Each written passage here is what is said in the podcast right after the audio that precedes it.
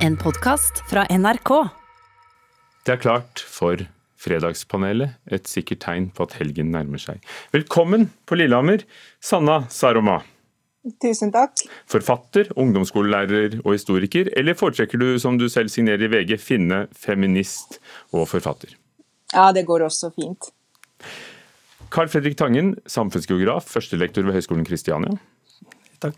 Og Nina Grünfeldt, regissør, forfatter og førsteamanuensis ved Høgskolen Innlandet. God morgen. Hei, hei.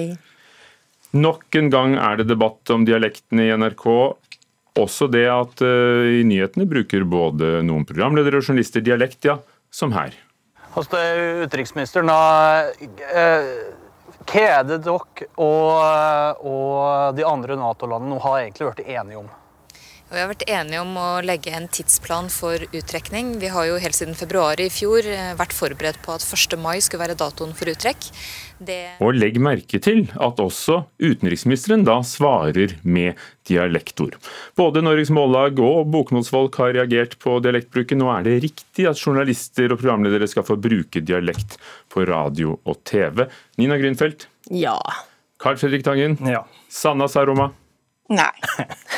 Du skriver du i VG, VG, Sanna, i VG at dialekter er djevelens verk. Kan du begrunne det? Ja, nei, altså Begrunnelsen hører du nesten når jeg åpner munnen, altså at jeg er utlending. Eh, og enda jeg har en ganske lang fartstid i Norge, så syns jeg at det er veldig vanskelig å forstå dialekter. Uh, og jeg tenker at spesielt uh, på Statskanalen, altså som er skattebetalerfinansiert, og som formidler riksdekkende nyheter, så er det ekstra viktig at, um, at folk forstår hva som blir formidlet. Og vi er jo ganske mange, ganske mange utlendinger i Norges rike som da detter av når det blir journalister som snakker en vanskelig, krevende dialekt. Og så Etter at uh, jeg hadde kronikken på trykk i VG i går, så har jeg forstått at det ikke er bare oss utlendinger som, uh, som sliter, at det er innfødte nordmenn også som, som syns det er vanskelig å forholde seg til Kanskje spesielt sånne veldig små uh, og fjerne dialekter. Altså man som regel kan de som folk snakker rundt, uh, rundt seg selv, altså, men, uh, men, når det blir liksom fjernere, så blir det mye mer vanskelig. Karl Fredrik Tangen, kan du fortelle hva ditt standpunkt er på ditt standardiserte østnorsk? ja. Jeg skjønner jo at folk kan ha trøbbel med å skjønne dialekter, men du kan jo ikke språket i hele tatt. Når du går inn i verden, så lærer du det. Og jeg tror at det å bli utsatt for mange forskjellige dialekter er, eh, er bra. Og så er jo ikke det noe normaliserte språket. Det er jo ikke nøytralt, det heller. Jeg synes en del som har kommentert noe, liksom, Jeg vil bare høre nyhetene, så jeg vil liksom ikke høre språket som blir eh, sagt. Men det er jo et språk og en makt og sånn som ligger i hva, hvilket språk som er lov og ikke lov å bruke òg. Nei, altså, jeg, jeg, Min gamle mor hun har alltid vært tilhenger av veldig mange dialekter. Nå har hun begynt å høre dårlig, og har faktisk endret syn på, og står nå på Sanna sin linje. Hun vil også at man ikke lenger skal snakke dialekt i TV. Og jeg forstår det, men vi må jo ha noe som beriker oss. Jeg tenker at Dette er jo mangfold i ytterste konsekvens, som alle andre mangfoldsperspektiv vi forholder oss til. Hva med kebab-norsk? Eh, og Det er selvfølgelig differensierte diskusjoner her. Hva skal være i nyheter, hva skal være i media generelt? Men jeg syns jo dette er berikende. Eh, og så er det jo herlig å ha noe å kunne hisse seg opp over. Da, da får vi sånne fantastiske artikler i VG som det Sanna har skrevet. Så dette er en del av mangfoldet. Dette er en del av det store norske vi. Og så er det jo det at vi lærer oss, som, eh, som er blitt sagt her allerede. Jo mer vi hører av det, jo lettere forstår vi etter hvert. Så vi må være litt tålmodige. Jeg tror ikke vi kommer forbi det, rett og slett. Og så er jo språket som journalister f.eks. bruker, også ganske dårlig og irriterende og floskelprega. Så kanskje hvis vi fikk lov til å liksom finne igjen seg sjøl og språket sitt og det språket de har vokst opp med, så slapp du en del i forhold til og både, men også, og alle disse frasene som går igjen og igjen de journalistene, altså. Eh, Sanna Saroma, er det virkelig et, et, norsk fenomen? Har dere ikke dialekter i Finland f.eks.? Ja, jeg, altså jeg må bare først kommentere at jeg er så lei av det der tøvet om at det er så berikende med dialekter. Altså, det, er sikkert, ja, altså, det er sikkert fint å si at det er berikende når man er innfødt nordmann. og så, eh, eller dette, Jeg syns det blir litt sånn ovenfra og ned at ah, gå ut i verden og lær deg det. Jeg er veldig flink i språk, som jeg skriver i kronikken at jeg tror jeg skriver bedre norsk enn 99% av nordmenn, men jeg sliter med dialekter.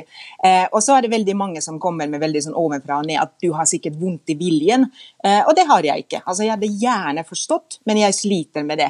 Eh, og, og, spesielt det har noe med tonefallet å gjøre, og jeg var inne på i den kronikken at det har noe med tonem 2 å gjøre, som, som vi ikke har i finsk f.eks. Eh, at jeg syns eh, spesielt dialektene rundt Stavanger Stavanger-området. Altså sånn, de bruker veldig mye tonem 2, og de høres så forurettet ut.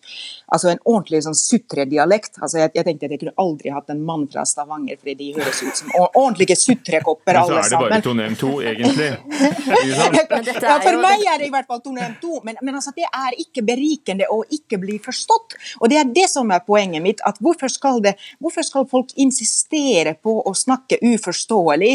Eh, altså, det er en, er en berikelse at formen formen går foran innholdet. Nei, det nei, nei, klarer jeg ikke å forstå. Dette handler om identitet. Altså, se på de fantastiske engelske TV-seriene. Skuespillere i England, når de går på teaterskolen der, så lærer de seg samt, kanskje ikke samtlige dialekter, men de, lærer, de, er nødt til å lære seg utrolig mange varianter av engelsk. Men det er en helt annen diskusjon. altså, å være skuespiller. Jo, handler... Jeg skal tåle dialekter på teater og på film, men ikke ikke på NRK, altså ikke på nyheter, ikke på nyhetssendinger. Det er en helt annen sak. Ja, hvis vi bare, Spørsmålet her handlet om hvorvidt journalister generelt kan få lov til å snakke sin dialekt. og Nyhetssendinger er kanskje noe eget, jeg kan strekke meg til det, men utover det så tenker jeg at svaret her må bli at selvfølgelig kan journalister få lov til å snakke forskjellige dialekter. Og folk Nyhetenes eller medienes rolle er jo å lære folk hva som er viktig, hva som er verdifullt, hva du bør kunne. Og der synes jeg at å, kunne språk, å, kunne, nei, også, å kunne språket som finnes rundt omkring i Norge, det synes jeg er veldig bra bidrag. Det er jo så mange forskjellige språk. Men Sanna, den kjæresten du hadde fra Vågå som insisterte på å snakke en arkaisk og, fargerik dialekt, hvordan gikk det med det da? Var, var det språket som sto i veien? Var det tonemet som ødela det hele? Nei, det gikk jo veldig dårlig med oss i og med at jeg ikke skjønte hva han sa. Så, så det, er, det, ble, det ble slutt. Nytt tema. 180 artister fra hele verden og Amnesty og andre ber Spotify, strømmetjenesten, love å aldri bruke det de fikk patent på nå nylig. En teknikk som gjør at de kan avlytte samtalene, du gir sikkert tillatelse til det, samtalen på telefonen, eh, og så tilpasser de musikken eh, når de hører om du nettopp er lei deg, eller hvis du har TNM 2, så får du kanskje mye triste ballader. Eh, og, eller er glad eller sint. Det kan også høre dialekter. Så f.eks. hvis du er en trønder i Godlunden, da, så får du kanskje dette.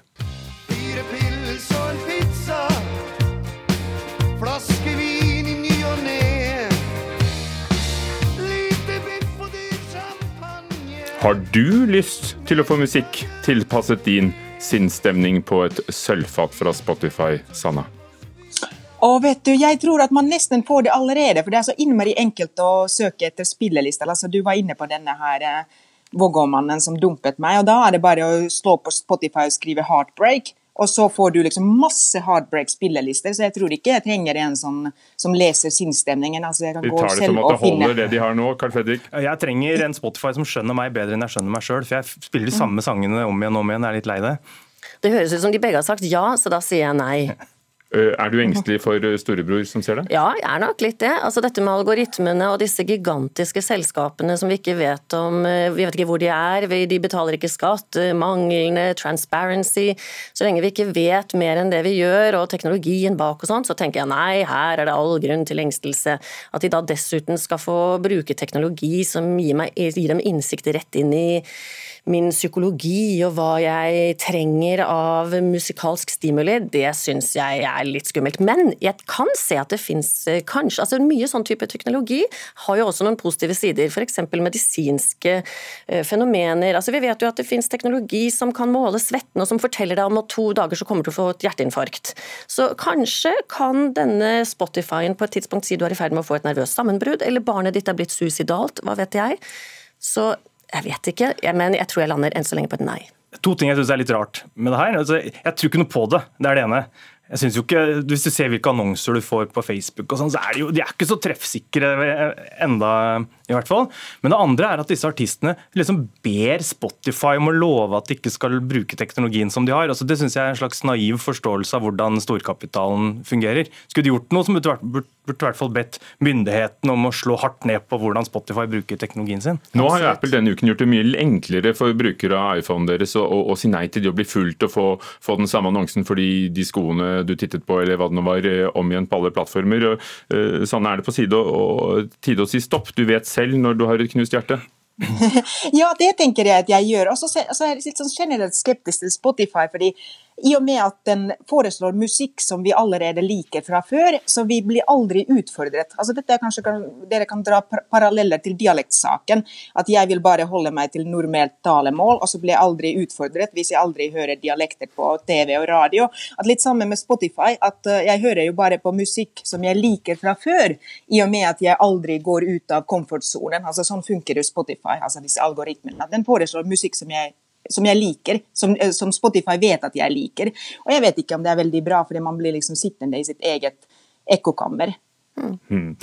Fordi Det er vanskelig å komme seg ut på festivaler, i hvert fall i år. Roskildefestivalen er avlyst, eh, Stavernfestivalen er avlyst, i Oslo er Piknik i parken og Over Oslo avlyst. Mens noen festivaler holder stand. Countryfestivalen, Dyrskuen, Heimover i Åmli i Agder sier ja til å ta imot 200 publikummere, som må pent sitte på plassene sine.